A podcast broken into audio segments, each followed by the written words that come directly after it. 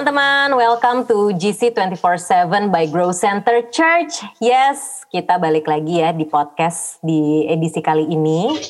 Kalau kemarin kita udah ngebahas tentang uh, menunggu kehadiran seorang anak ya. Nah, di episode kali ini kita bakal ngobrol-ngobrol nih sama Pastor Grenata dan juga Kak Ane. Kak Ane ini adalah seorang istri dari Pastor IR 4 atau Ibadah Raya 4. Nah, kita bakal ngobrol-ngobrol mengenai first time parenting. Hai. Hai. Hai semua.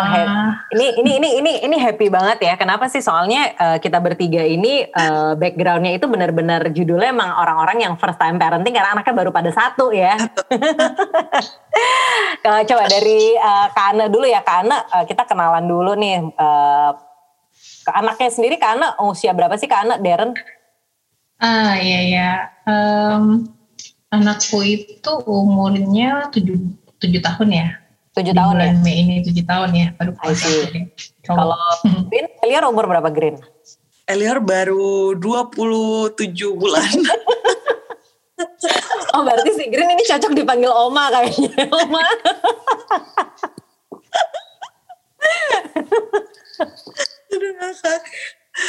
kalau kalau Si Carla berapa ya? Carla itu umur 5, 5 tahun. Hmm. Nah, gue pengen tahu ya secara kita kan ngobrolin tentang first time parenting nih kakak-kakak ya. Nah, eh, ada nggak sih eh, coba ceritain dulu dong ya eh, pengalaman first time parenting yang bener-bener menurut kalian tuh eh, memorable banget nggak bisa dilupain banget coba boleh eh, Kak Andini eh, Kak Anda coba ceritain Kak Anda mm -hmm. apa sih menurut yeah, yeah, yeah. Karena aja ya, hmm. karena. ya jadi um, waktu dulu waktu hamil itu aku tuh uh, ada tokso ya. Hmm. Jadi waktu apa selama kehamilan itu kalau teman-teman ada yang tahu tokso itu kan dia tuh kayak virus yang nyerang uh, janin ya. Jadi setiap bulan itu walaupun aku dikasih obat antivirus tapi tetap aja tuh uh, kita tuh mesti mantau setiap bulannya perkembangannya gimana karena virus itu kan dia nyerang janin dia bisa uh, nyerang organ bisa nyerang otak gitu ya hmm. jadi kalau apa yang aku ingat banget ini ya dari masa hamil itu sih struggling itunya jadi hopeless banget rasanya waktu Uh, kebayang gak sih kayak waktu kita hamil kan kita ngarepinnya ya kita makan yang enak-enak gitu kan. Kita happy-happy nanti ngaruhnya baik gitu buat janin. Hmm. tapi waktu kondisi itu ya oh, karena ada tokso ini rasanya kayak kita sendiri aja nggak bisa ngejagain apa yang ada di dalam. Karena jujur aja virus itu kan nyerangnya kita nggak tahu lewat mana gitu kan dia menyerang organ atau menyerang ke otak gitu. Jadi emang masa-masa yang paling struggling itu menurut aku sih pas hamil itu oh, benar-benar okay. bikin uh, apa ya lemes. oh, I see, I see, I see. Nah kalau uh, Green gimana Green? Apa sih uh, first time parenting story yang paling nggak bisa lupa?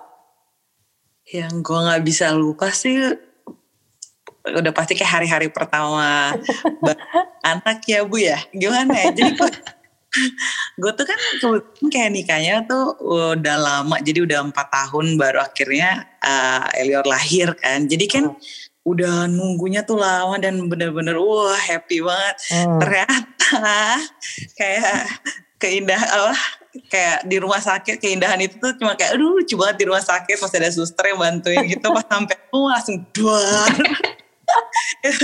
rasanya tuh masih sampai sekarang bu.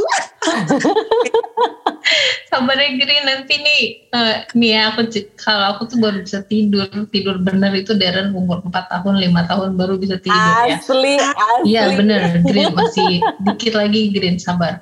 Soalnya sebelum itu itu udah kayak zombie beneran. Jadi dia ngek gitu kita udah bangun ngek gitu bangun. Aku nggak rasanya nggak pernah tidur seenak uh, Darren umur lima tahun empat tahun lima tahun lah gitu. Sebelum itu sih iya. udah lupain aja nggak ada tidur bener tadinya kan kan orang sabar sabar kayak tunggu uh, ini cuma satu dua bulan kok. Ini kok udah enggak enggak enggak, enggak. bulan masih belum nyenyak ya? Ini udah dua tahun kok masih begini gini aja.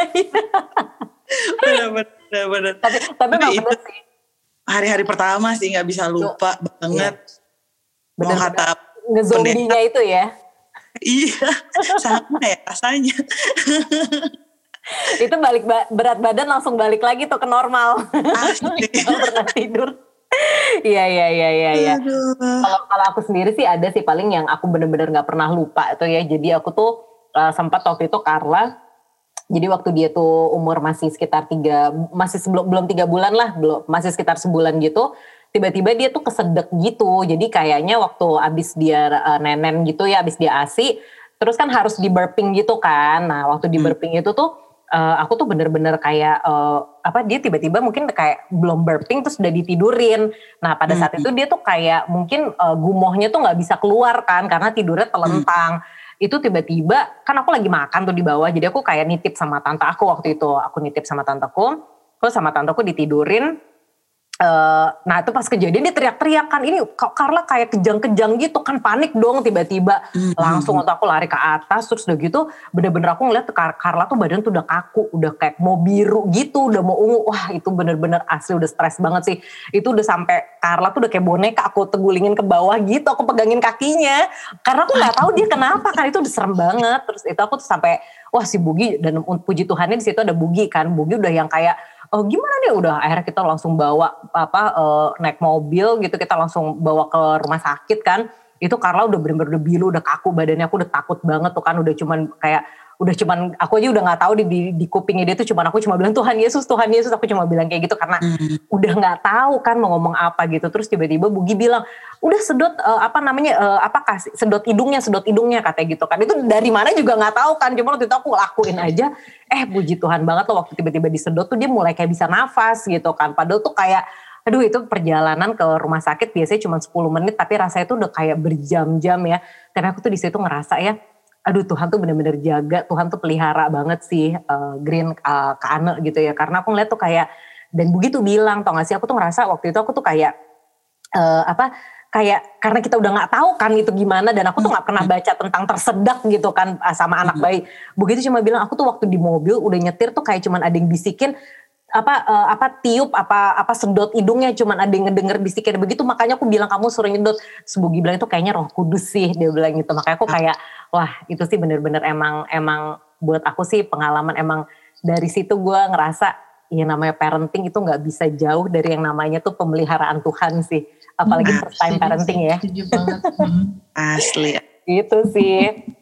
Tapi tapi pernah nggak sih maksudnya kayak Kak Ane sama Green gitu ya kalian ada nggak sih uh, saking helplessnya dalam uh, parenting gitu ya. Maksudnya ya di usia berapapun anak lah gitu. Maksudnya kalau ada stages hmm. bayinya ada yang toddlersnya gitu. Atau mungkin kak Anne udah sekarang Rederen udah tujuh tahun. Ada gak sih kayak momen pernah ngerasa tuh helpless banget gitu? Sampai nggak tahu mau ngapain tapi akhirnya apa nih yang dilakuin? Hmm, kalau aku sih mungkin mirip ya uh, waktu kejang itu loh. Jadi Darren tuh pas 2 tahun, mm-hmm. dia tuh kena panas tinggi banget sampai 3940 ya. Waktu itu terus dia ini uh, kejang yang sampai biru gitu sih. Tapi untung mm. ya itu kita lagi di klinik di tempat dokter. Jadi waktu kejadian itu aku lagi gendong nih kan udah dikasih obat itu yang dari bawah dari pantat. Hmm, dan harusnya sih turun gitu. Nah ini mm. kok sambil nunggu dokter, kok dia nggak turun-turun gitu nggak lama dia tuh kejang di tanganku tau nggak? Dia kayak kayak tiba-tiba kaku gitu badannya. Terus dipanggil nggak denger udah biru terus di kayak mulutnya kayak den gitu ya kayak ngejen gitu. Terus hmm uh, aku langsung teriak-teriak pas di tempat dokter itu tapi bener-bener itu waktunya ya. Aku nggak kebayang ya kalau kayak Prita kan di rumah tuh ya. Kayaknya gue langsung pingsan kayaknya. Itu untungnya lagi di klinik dokter loh jadi langsung aku teriak gitu kan suster! gitu. Nah, terus uh, suster lihat langsung mereka untung agak cepat langsung dikasih obat. Itu itu dua menit apa lima menit ya udah paling lama dalam hidupku tuh. Aku rasanya kayak udah ah udah udah kayak mau udah nangis ya yang pasti udah nangis. Terus aku udah marah-marah masuk tuh cepetan cepetan cepetan gitu tau gak pokoknya itu bener-bener momen paling gak bisa aku lupain. Itu aja tuh sekali. Wah ini ini ini ini banget sih. Apa kalau Green gimana Green? Iya, kalau aku sih puji Tuhan ya belum pernah uh, sampai kayak ceritanya ke Ana sama kayak lo ya Prit. Hmm. cuman uh, tapi Elior nih um, dia kebetulan uh, aku sama Timi kan ada alergi jadi memang 80% tuh nurun gitu kalau menurut mm -hmm. dokter mm -hmm. dia jadi dari kecil memang kita apa ya keluar masuk dokter gitu uh, jadi segala macem lah jadi uh, dari mulai dia nggak bisa uh, susu sapi jadi gue pas gue masih uh, kan gue uh, pas ngasih, uh, masih menyusui gue mesti diet semua tuh diet semua uh, jadi gue balik badan normal tuh sebenarnya cepet banget oh. bukan karena dia kombinasi iya iya iya dan kasihan banget nggak bisa minum nggak bisa iya. minum susu nggak bisa makan kue. Oh jadi alerginya dairies gitu ya? Iya dairies oh, jadi dia oh, okay. jadi gue nggak bisa uh, uh, keju, um, pokoknya susu. Padahal suka banget dan kayak ngerasa butuh banget kan tiap kali habis nyusui kan kayak lemes. Aduh butuh kayak makan terus gitu. Yeah. Tapi kayak gak bisa gitu. Terus karena langsung beneran efeknya langsung dia beruntusan langsung langsung bener-bener gak bisa gitu. Jadi emang um, wah Tuhan tahu sih. Emang gue kalau di fase Elliot terutama di bawah sebelum satu tahun itu tuh banyak lo akan menemukan gue kayak uh, si Timmy terutama ngeliatin gue malam-malam dan gue kayak itu bukan hmm. kan apa? Karena gue ngeliat dia kayak nggak bisa tidur cuman karena dia gatel. Jadi dan karena kita bungkus semua tangannya hmm. biar dia gak infeksi gitu. Jadi dia tuh kayak apa ya? Tahu kan lo? Kayak jadi kayak nggak bisa tidur. Dia berusaha kayak bergerak untuk ngegaruk-garuk yeah, badan. yeah, yeah, yeah. jadi kayak wah itu jadi itu benar-benar setelah satu tahun sih puji Tuhan jadi kayak bisa dikit-dikit ya. Hmm. Uh, dia uh, dokter suruh kasih keju sedikit, latihan-latihan. Terus sekarang puji Tuhan bener-bener bisa banget makan keju, minum susu sapi gitu bisa dia. Cuman emang fase sebelum satu tahun tuh bener-bener yang kayak Prita bilang, cuman cuman berdoa aja dan kayak Tuhan hmm. tolong Tuhan tolong mesti ngapain Tuhan tolong Tuhan tolong karena helpless gitu itu yeah. anak kecil kayak gini aduh kenapa gitu gitu-gitu sih. Sampai ada guilty-nya juga gitu kayak aduh kenapa kenapa dia bisa alergi? Kenapa kayak gitu-gitu? Cuman ya gitu sih.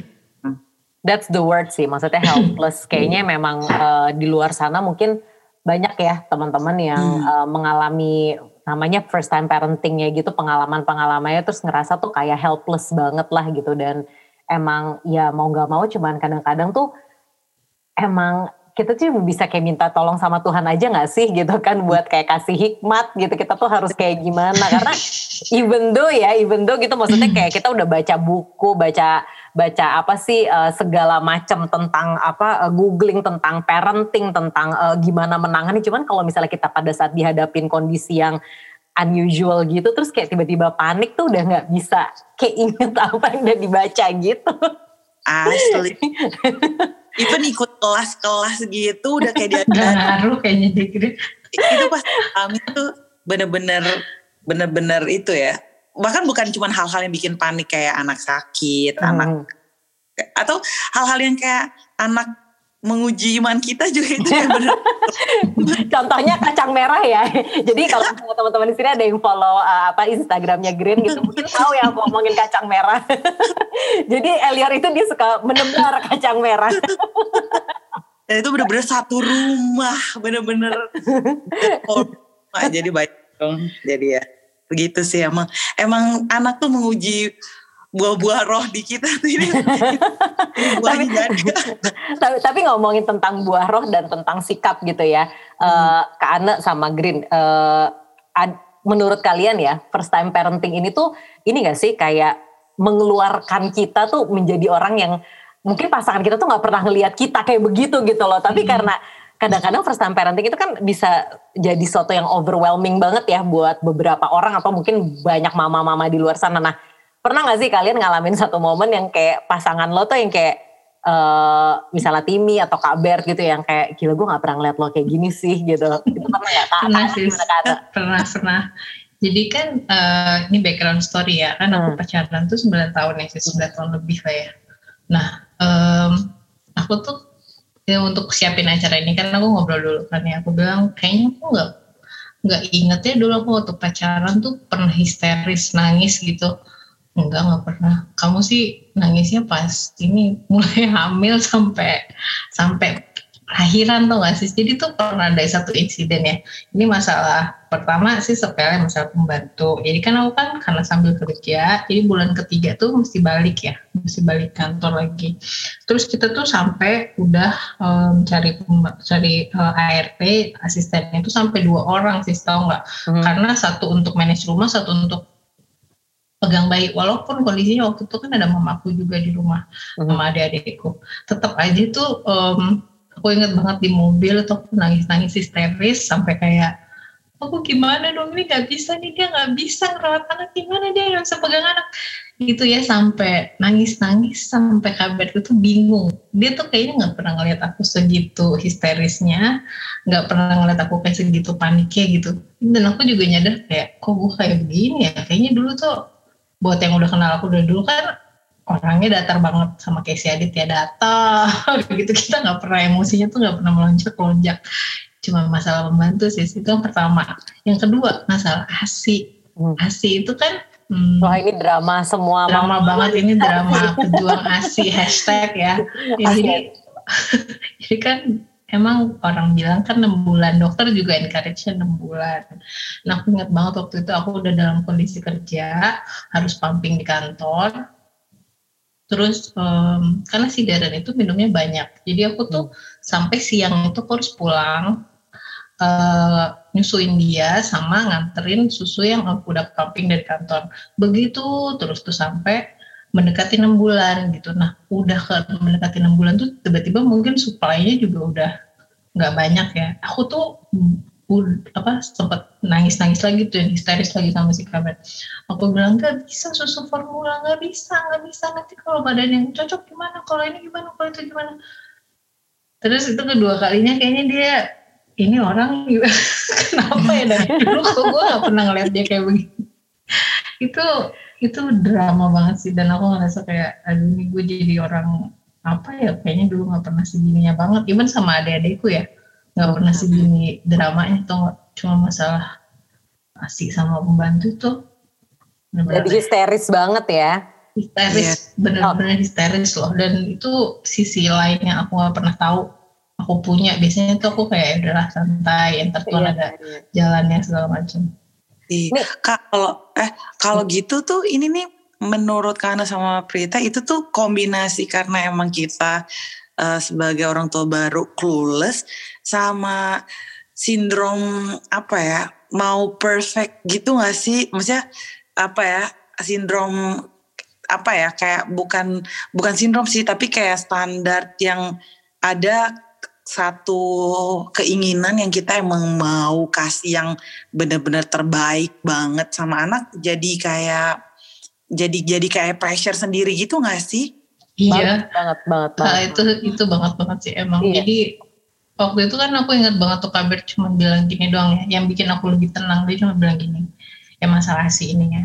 Kan dia hmm. bilang ya udah kan udah mau enam bulan nggak apa-apa sekarang udah bisa di suplemen sama susu kaleng. Maksudnya bisa gitu loh ditandemin, dibarengin, bukan berarti di stopin gitu kan. Hmm. Jadi nggak ada ASI pun atau berkurang ASI pun yang kita tambahin pakai susu biasa aja gitu, susu kaleng kan nggak apa-apa. Hmm. Terus waktu dia ngomong gitu kayak, oh iya ya nggak apa-apa ya. Terus kan kita jadinya mikir gini, ini kan struggling dan keputusan kita berdua ya terhadap yeah. anak kita gitu loh. Jadi kayak ya udah deh gitu mau kan biasa pressure itu datangnya kayak dari outsider ya grand kayak dari yes. keluarga lah hmm. terus kayak dari milis lah kan aku dulu sempat ikut milis ya hmm. pokoknya yeah. harus enam bulan gitu harus asi gitu kan bikin jadi tambah ini ya tambah pikiran gitu loh harus idealnya jadi kenapa gue jadi stres sendiri gitu ngurusin padahal sebenarnya kita happy bahagia yang penting anak sehat gitu kan yeah. juga udah cukup ya mm -hmm. Setuju banget tuh kalau misalnya happy mom, uh, happy children gitu kan. Hmm. Maksudnya itu menurut aku sih bener banget ya karena emang anak tuh bener-bener reflecting kita banget. Gak tahu ya, cuman aku ngerasa bener loh yang waktu apalagi pada saat kita asi gitu ya. Kita hmm. ngasih itu itu bener-bener um, kalau misalnya kita tuh kayak lagi sendu gitu kan atau kita lagi apa pasti tuh kayak anaknya tuh juga begitu gitu kan. Kalau misalnya hmm. kita lagi riang tuh kayaknya anaknya tuh happy happy aja gitu ya nggak tahu sih ya bener apa enggak gitu tapi kan ada orang yang bilang bener gitu ya cuma aku sih aku ngerasanya ngerasa gitu kok bener sih. Iya kan, iya bener-bener bener aku tuh ngerasa kayak iya sih dulu tuh kalau misalnya aku lagi happy tenang kayak tenang semuanya cuma kalau aku lagi rungsing tuh Carla ikutan rungsing gitu aku Iya ngerasa bener seperti bener itu. bener. Aku juga itu yang aku pegang dari awal ya waktu aku nyusuin Darren tuh aku mikirnya gini. Aku pernah baca aku lupa di mana. Pokoknya kalau kalau kalau mamanya anxious itu anaknya bisa anxious juga gitu. Karena kan kita dekat kita eh, apa eh, skin to skin gitu ya. Dia juga bisa berasa kalau kitanya eh, cemas khawatir tuh anaknya lebih rewel loh sis. Makanya aku tuh coba mellow. Kayak kalau aku stres tuh aku nggak di rumah. Maksudnya aku pasti sambil jalan gitu kan. Karena Hmm. kalau aku di deket dia sambil aku nangis atau di deket dia sambil aku marah-marah aku yakin banget dia akan terasa pasti pasti banget aku sih yakinnya itu ya karena dia bisa baca emosi kita lebih cepat daripada daripada Iya. orang lain. Hmm. Ya ya ya benar benar benar. Oke, tapi eh, kalau misalnya sekarang gitu ya, mungkin kan anak-anak udah pada gede lah ya gitu. Eh, kalau misalnya dari eh, Kak Ane gitu ya, kalau misalnya Green masih masih toddler ya anaknya ya. nah, aku pengen tahu deh, maksudnya kayak eh, di sini eh, kalian tuh nyari parenting style-nya gitu. Maksudnya kan ini part yang penting juga ya stages yang menurut aku penting banget ya pada saat kita memilih parenting style secara sekarang tuh kan banyak banget lah gitu. Kita bisa dapat dari mana aja nih gaya parent parenting seperti ini, gaya parenting seperti itu gitu kan. Tapi sekarang kan kita ngomongin uh, we raising kids gitu kan ya di eh, maksudnya di era tuh yang bener-bener menurut aku tuh kayak sangat-sangat modern banget ya. Nah, bagaimana maksudnya uh, kita tuh bisa tetap bikin anak-anak ini tuh kayak dari sedini mungkin tuh bener-bener kayak tahu bahwa mereka nih anak Tuhan gitu. Itu kayak gimana tuh? Um, Gimana Green? Susah ya pertanyaannya. Iya. Kalau parenting style Jadi soalnya mukanya langsung berubah, kaget gitu. iya, Ini bingung gitu. ada di dalam skrip nih pertanyaan. Iya. Ini hikmat Tuhan Green. Iya. Kalau kalau ini sih emang apa ya? Ya kalau honestly kalau kalau yang aku sekarang sih emang simply gak bisa bohong banyak hal somehow emang yang kayak kita nggak bisa kontrol sama sekali gitu loh. Em, tadi yang kayak Kak Ani cerita, aku juga aku pun bekerja, kayak Prita pun bekerja gitu kan. Jadi kayak kadang banyak waktu yang kita nggak bisa kontrol anak kita 24 jam uh, seusaha apa pun kita, tetap kita nggak bisa ngelihat bagaimana em, dia 24 jam dalam pantauan kita tuh dia bertumbuh seperti apa gitu. Hmm. Walaupun kita bareng-bareng sama dia pun eh, belum tentu emang eh, apa pun yang semua yang kita mau bisa bisa bisa bisa eh, diterapin ke dia. Kenapa? Hmm. Karena sebenarnya kan kalau aku sih ngelihatnya gini ya. Hmm, ini kalau kita ngikutin yang ada di luar sana ya. Kan yang tadi Prita bilang banyak banget yang dipelajarin ini itu kayak mau Montessori lah mau lah. Sampai Sebagai nama- korban ya Green mau Montessori. Iya, sampai yang nama-namanya kayak lo nggak tahu ini ini dari mana lagi gitu kan. Itu tuh eh, eh, itu yang aku alami sebenarnya. Maksudnya kayak aku tuh lumayan belajar banyak banget lumayan baca banget untuk ini ini ini dan kayak berusaha perfect sama Elior do- harusnya kayak gimana kayak gimana dari dia bayi apa segala macem Eh, sampai kayak ada saat-saat yang aku tuh kayak jadi ganggu. Aku tuh kayak even koreksi Timi ah ini jangan ngomong gitu ke dia kayak gitu. Hmm. itu saking uh, konsumsi terlalu banyak hal sih menurut aku ya. Hmm. untuk mau berusaha ini berusaha itu kayak uh, mbaknya kayak mbak mbak jangan ngomong kayak gini. Kalau ngomong tahu kan lo yang kayak ibu Iya, kayak betul betul betul betul. jadi kayak hmm, aduh kok jadi kayak gini gitu I was ya- once like that. iya terus terus. ya tuh at the end of the day aku tuh emang tahu aku ngerasa aku nggak bisa ngerubah Elior aku nggak bisa yang apa yang aku bisa lakukan tuh emang benih sih ujung-ujungnya tuh emang Roh Kudus yang bekerja dan em, aku percaya banget sih yang paling ber satu hal yang aku ngerasa banget yang paling em, apa ya eh, ngaruh sebenarnya ya itu yang orang bilang apa ya mangkisi mangkidu sih nggak bisa Mhm. bohong kan Hmm, betul. Iya benar. eh, dia lihat kita gimana, dia akan jadi seperti itu sih. Jadi yang bisa Mhm. aku dan Timi benar-benar lakukan, em, ya simply show aja. Mhm. Kalau misalnya hal-hal yang kayak, hmm, apa ya kalau mau ayo Elior ya nggak mungkin ya anak-anak dua tahun ngomongin soal uh, apa ya maksudnya kayak yang sampai susah-susah banget yang Alkitab apa segala macam hmm. nggak hmm. bisa nggak bisa menurut aku sih emang nggak bisa even maksudnya kayak udah dia udah empat lima tahun pun nggak bisa gitu tapi hmm. yang dia nggak bisa lupa dia lihat saat um, mama, mama papanya gimana ah, gitu ya mama papanya marah dia lihat mama papanya minta maaf dan uh, berdoa satu sama lain gitu. Hmm. Dia pas dia tahu, jadi dia tahu uh, mesti gimana. dia tahu pas. Jadi hal-hal yang emang kita tunjukin sih menurut yeah. aku. Agree. Mm -hmm. Aku ya, sama, gitu, Betul, aku sama Timi juga pun kayak berusaha untuk kayak gak berusaha Elior tuh menciptakan dia dia dia nggak dia nggak berpikir kalau dia hidup dalam perfect world juga jujur. Mm -hmm. Aku mau berusaha dia lihat apa adanya gitu. Aku aku struggle, dia lihat uh, Timi struggle atau apa maksudnya let it be gitu. Yeah. Cuman emang um, karena emang tendensi kita kan sebenarnya kan protect dan itu naluri ya. Yeah. Cuman mm -hmm. emang ya um, ya itu sih terlepas dari semua itu jujur emang tuh butuh Tuhan banget makanya aduh aku kemarin kayak kemarin sempat sharing di podcast aku bilang orang tuh berdoa banget buat jadi orang tua tapi mereka tuh satu hal mereka tuh kadang kita kita ya maksudnya kita berdoa banget buat jadi orang tua tapi pas once kita jadi orang tua kita nggak sadar ini tuh another level banget sih yes. ini bener-bener butuh hati yang super besar banget, butuh emang roh kudus banget. Karena beneran hmm. pas kita ngalamin toddler yang nangis dan teriak-teriak, lupa sih, lupa kayak apa yang udah dijarin. Kayak, lupa, yang diajarin suruh sabar ya. itu sih, itu. Kalau yeah. Kana sama Prita gimana? Aduh. Oke. Okay. Nah, bener-bener aku setuju sih Green masalah teladan itu ya. Memang hmm, kan nggak banyak yang kita bisa dijelin ya ke mereka waktu mereka masih kecil. Mau dikasih apa ya nilai-nilainya ya mereka cuma bisa lihat. Memang aku bener-bener ngerasa sih karena um, kalau aku sama Kaber kan memang kita tuh tipenya unyu-unyu melo gitu ya sis. Jadi ini udah dibuktikan loh pakai tes psikologi atau enggak waktu itu kita dipanggil berdua. Ditanya e, bapak ibu saya udah lihat ya hasil tesnya. E, ini kayaknya keluarganya unyu-unyu ya dibilang gitu tau gak terus kita yang iya.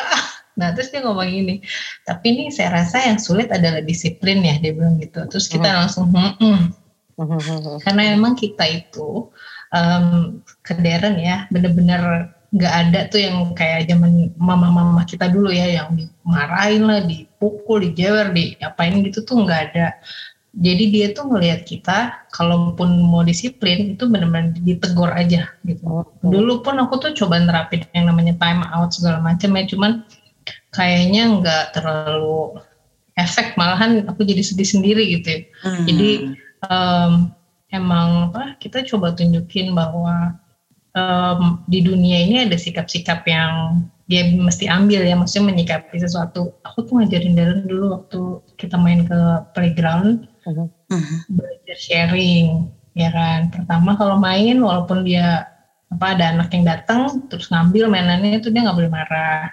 Mainnya uh-huh. sama-sama ya. Aku tuh susah banget ngajarin dia untuk nggak balik ngambil lagi gitu, karena um, itu reaksi naturalnya anak-anak gitu kan nggak bisa dilarang atau tapi nggak nggak juga dimarahin. Aku bilang ya nggak apa-apa mainnya sama-sama ya. Aku ajarin dia untuk negor anak duluan untuk apa hmm, ramah gitu ya kind gitu kan itu harus diajarin.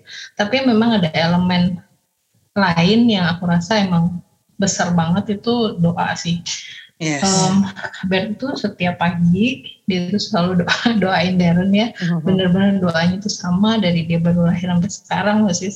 Jadi um, supaya Darren itu lebih pintar, Darren itu wise gitu ya, Darren dijagain gitu secara fisik, mental dan uh, rohani gitu. Jadi uh, ini tuh yang aku rasa bener-bener aku tadi tuh ngomongin kita kan ganti-ganti ART ya, maksudnya hmm. ini kan nggak ada yang full term gitu loh. Tapi hmm.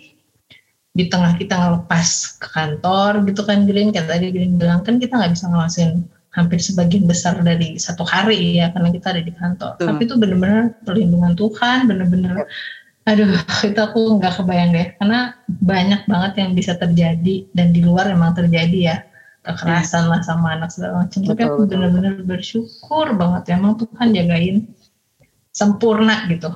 Karena iya. aku yakin um, memang sampai sekarang sampai dia gede gini ya, itu mustahil kalau Tuhan nggak jagain. Aku sih hmm.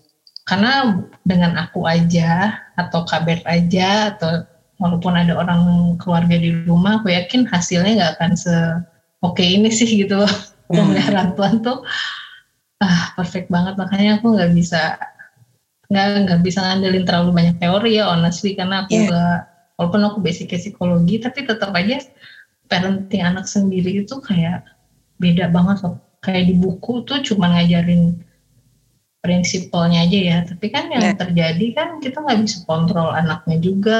Kita juga nggak bisa kontrol kondisi kita waktu itu kan. Misalnya pas hari itu lagi bete ketemu anak lagi aur-auran gitu kan jadinya ya nggak bisa dikontrol.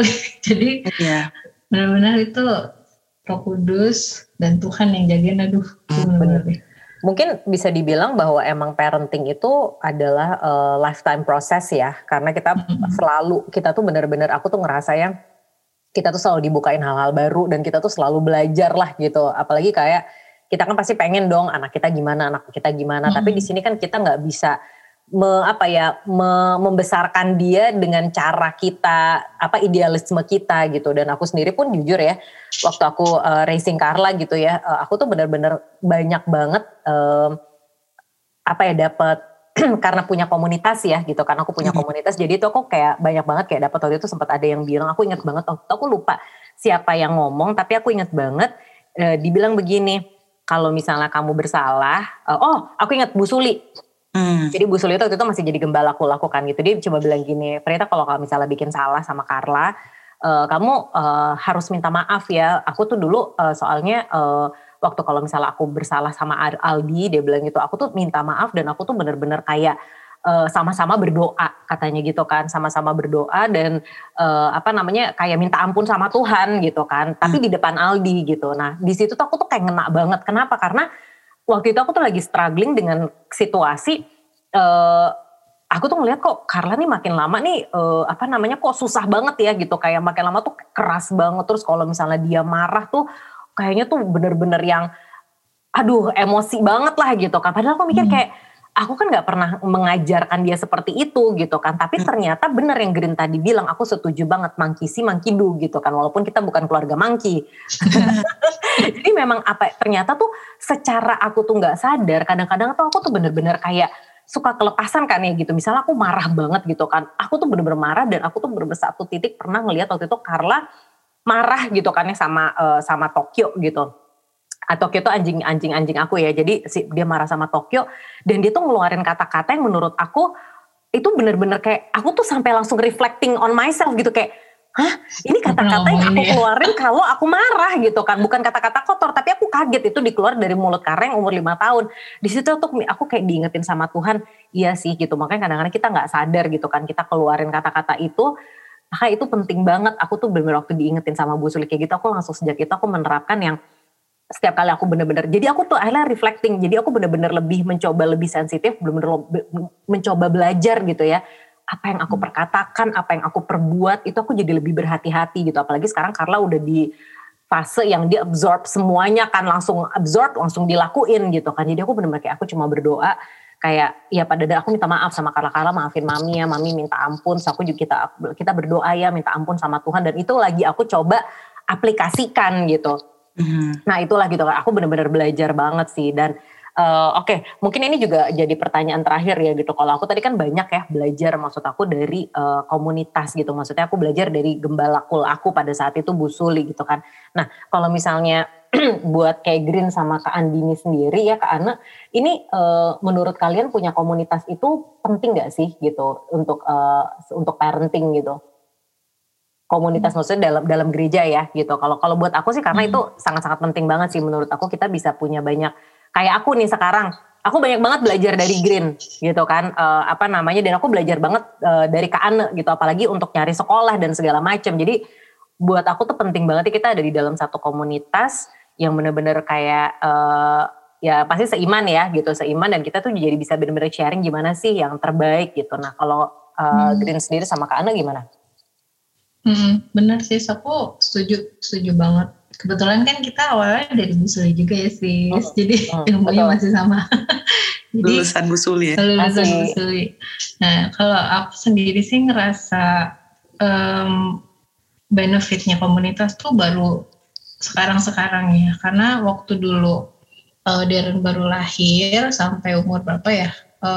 Tiga um, empat tahunan gitu ya aku belum terlalu uh, aktif di komunitas kan. Jadi bener-bener uh, ilmu yang aku pakai itu ilmu yang ada di website ilmu yang ada di aplikasi ada di milis ada di pokoknya yang di luar gitu ya. Hmm. dan itu cuma membantu kan pada saat um, istilahnya cuma perkembangannya aja gitu. Tapi yeah uh, di hal yang lebih dalam dari itu masalah pertumbuhan rohani itu aku hmm. dapetinnya dari cool hmm. gitu. Hmm. jadi uh, aku sih bersyukur banget nih waktu gabung di cool itu aku ditempatinnya di BSD uh, memang waktu di BSD itu um, rata-rata itu kan memang sudah menikah ya. Jadi ini kan kayak family cool hmm. uh, mereka tuh usia pernikahannya tuh udah jauh lebih banyak daripada kita deh. Jadi intinya ya cuma punya anak kecil tuh cuma aku doang gitu yang punya anak bayi gitu ya. Pertama-tama tuh agak risih sih karena gini uh, mereka ngajakin jalan gitu ya aduh bu maaf aku nggak bisa ninggalin Darren gini gini gini gitu kan. Aduh bu maaf nih Darrennya nggak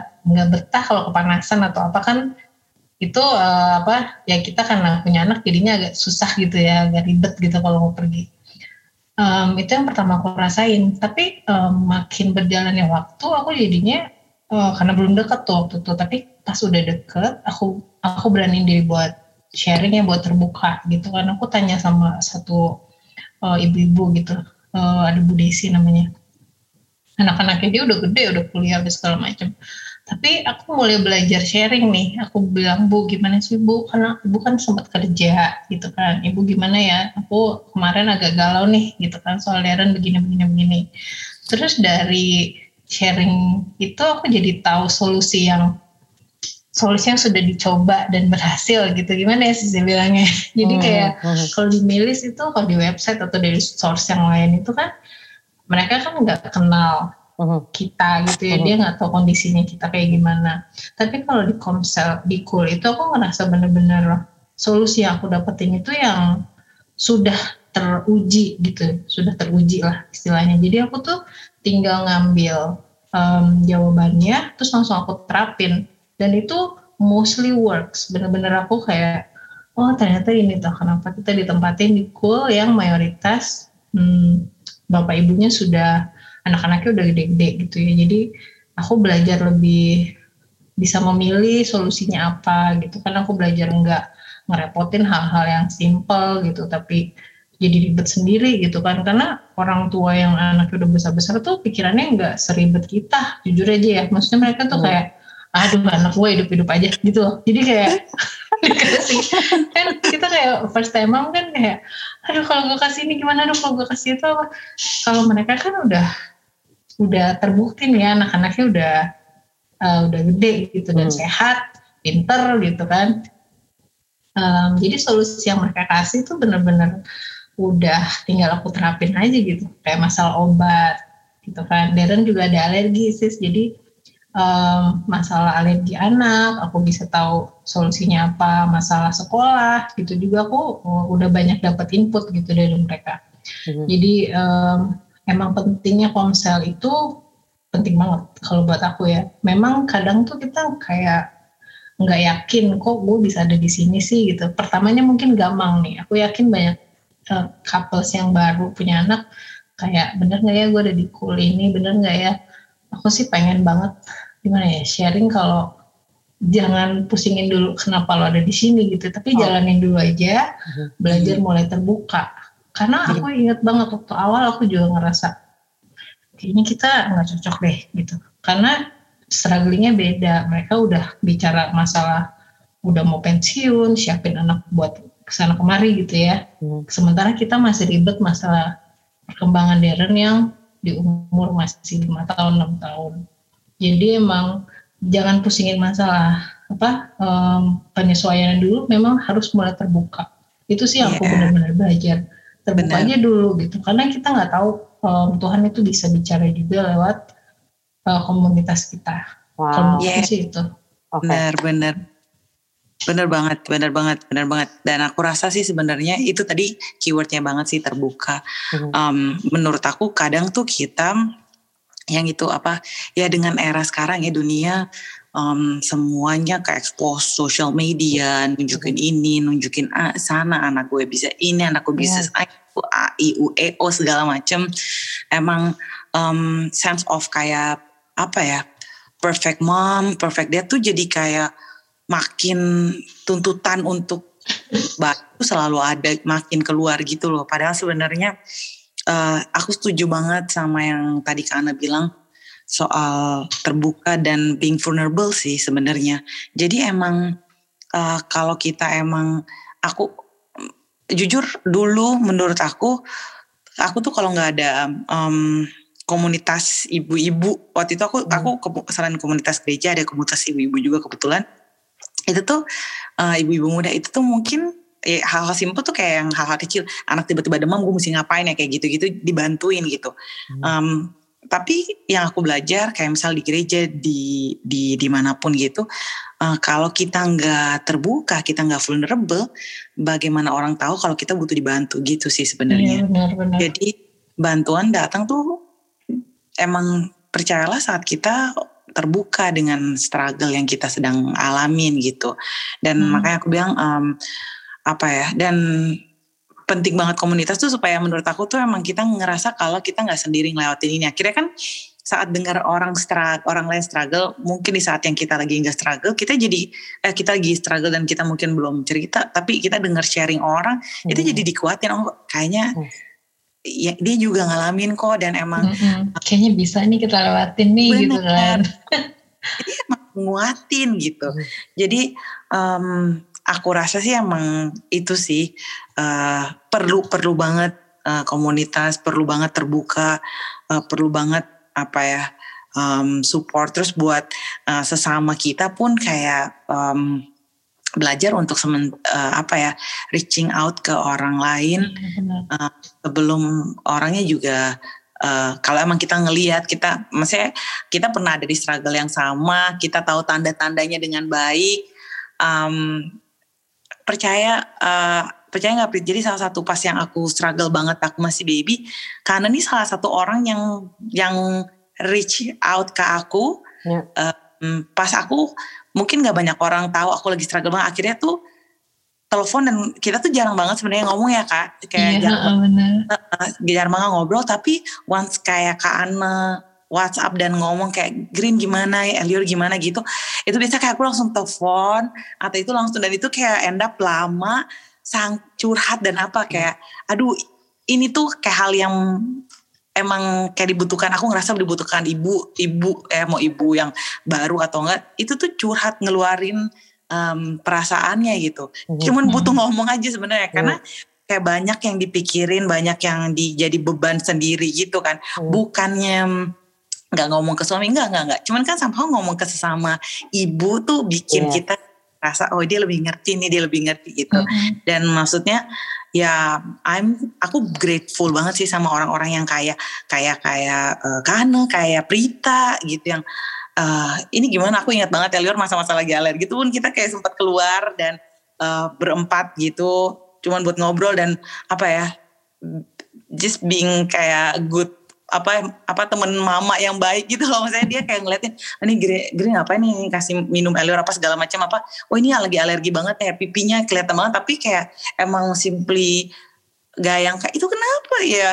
You know lah misalnya kayak ada orang-orang yeah, yang yeah. kayak, jadi kayak ya ini buat semua kita sih. Maksudnya uh, apa ya support satu sama lain itu penting juga gitu yes. Jadi uh, benar bersyukur udah tertanam di komunitas-komunitas yang belum dapat komunitas um, apa?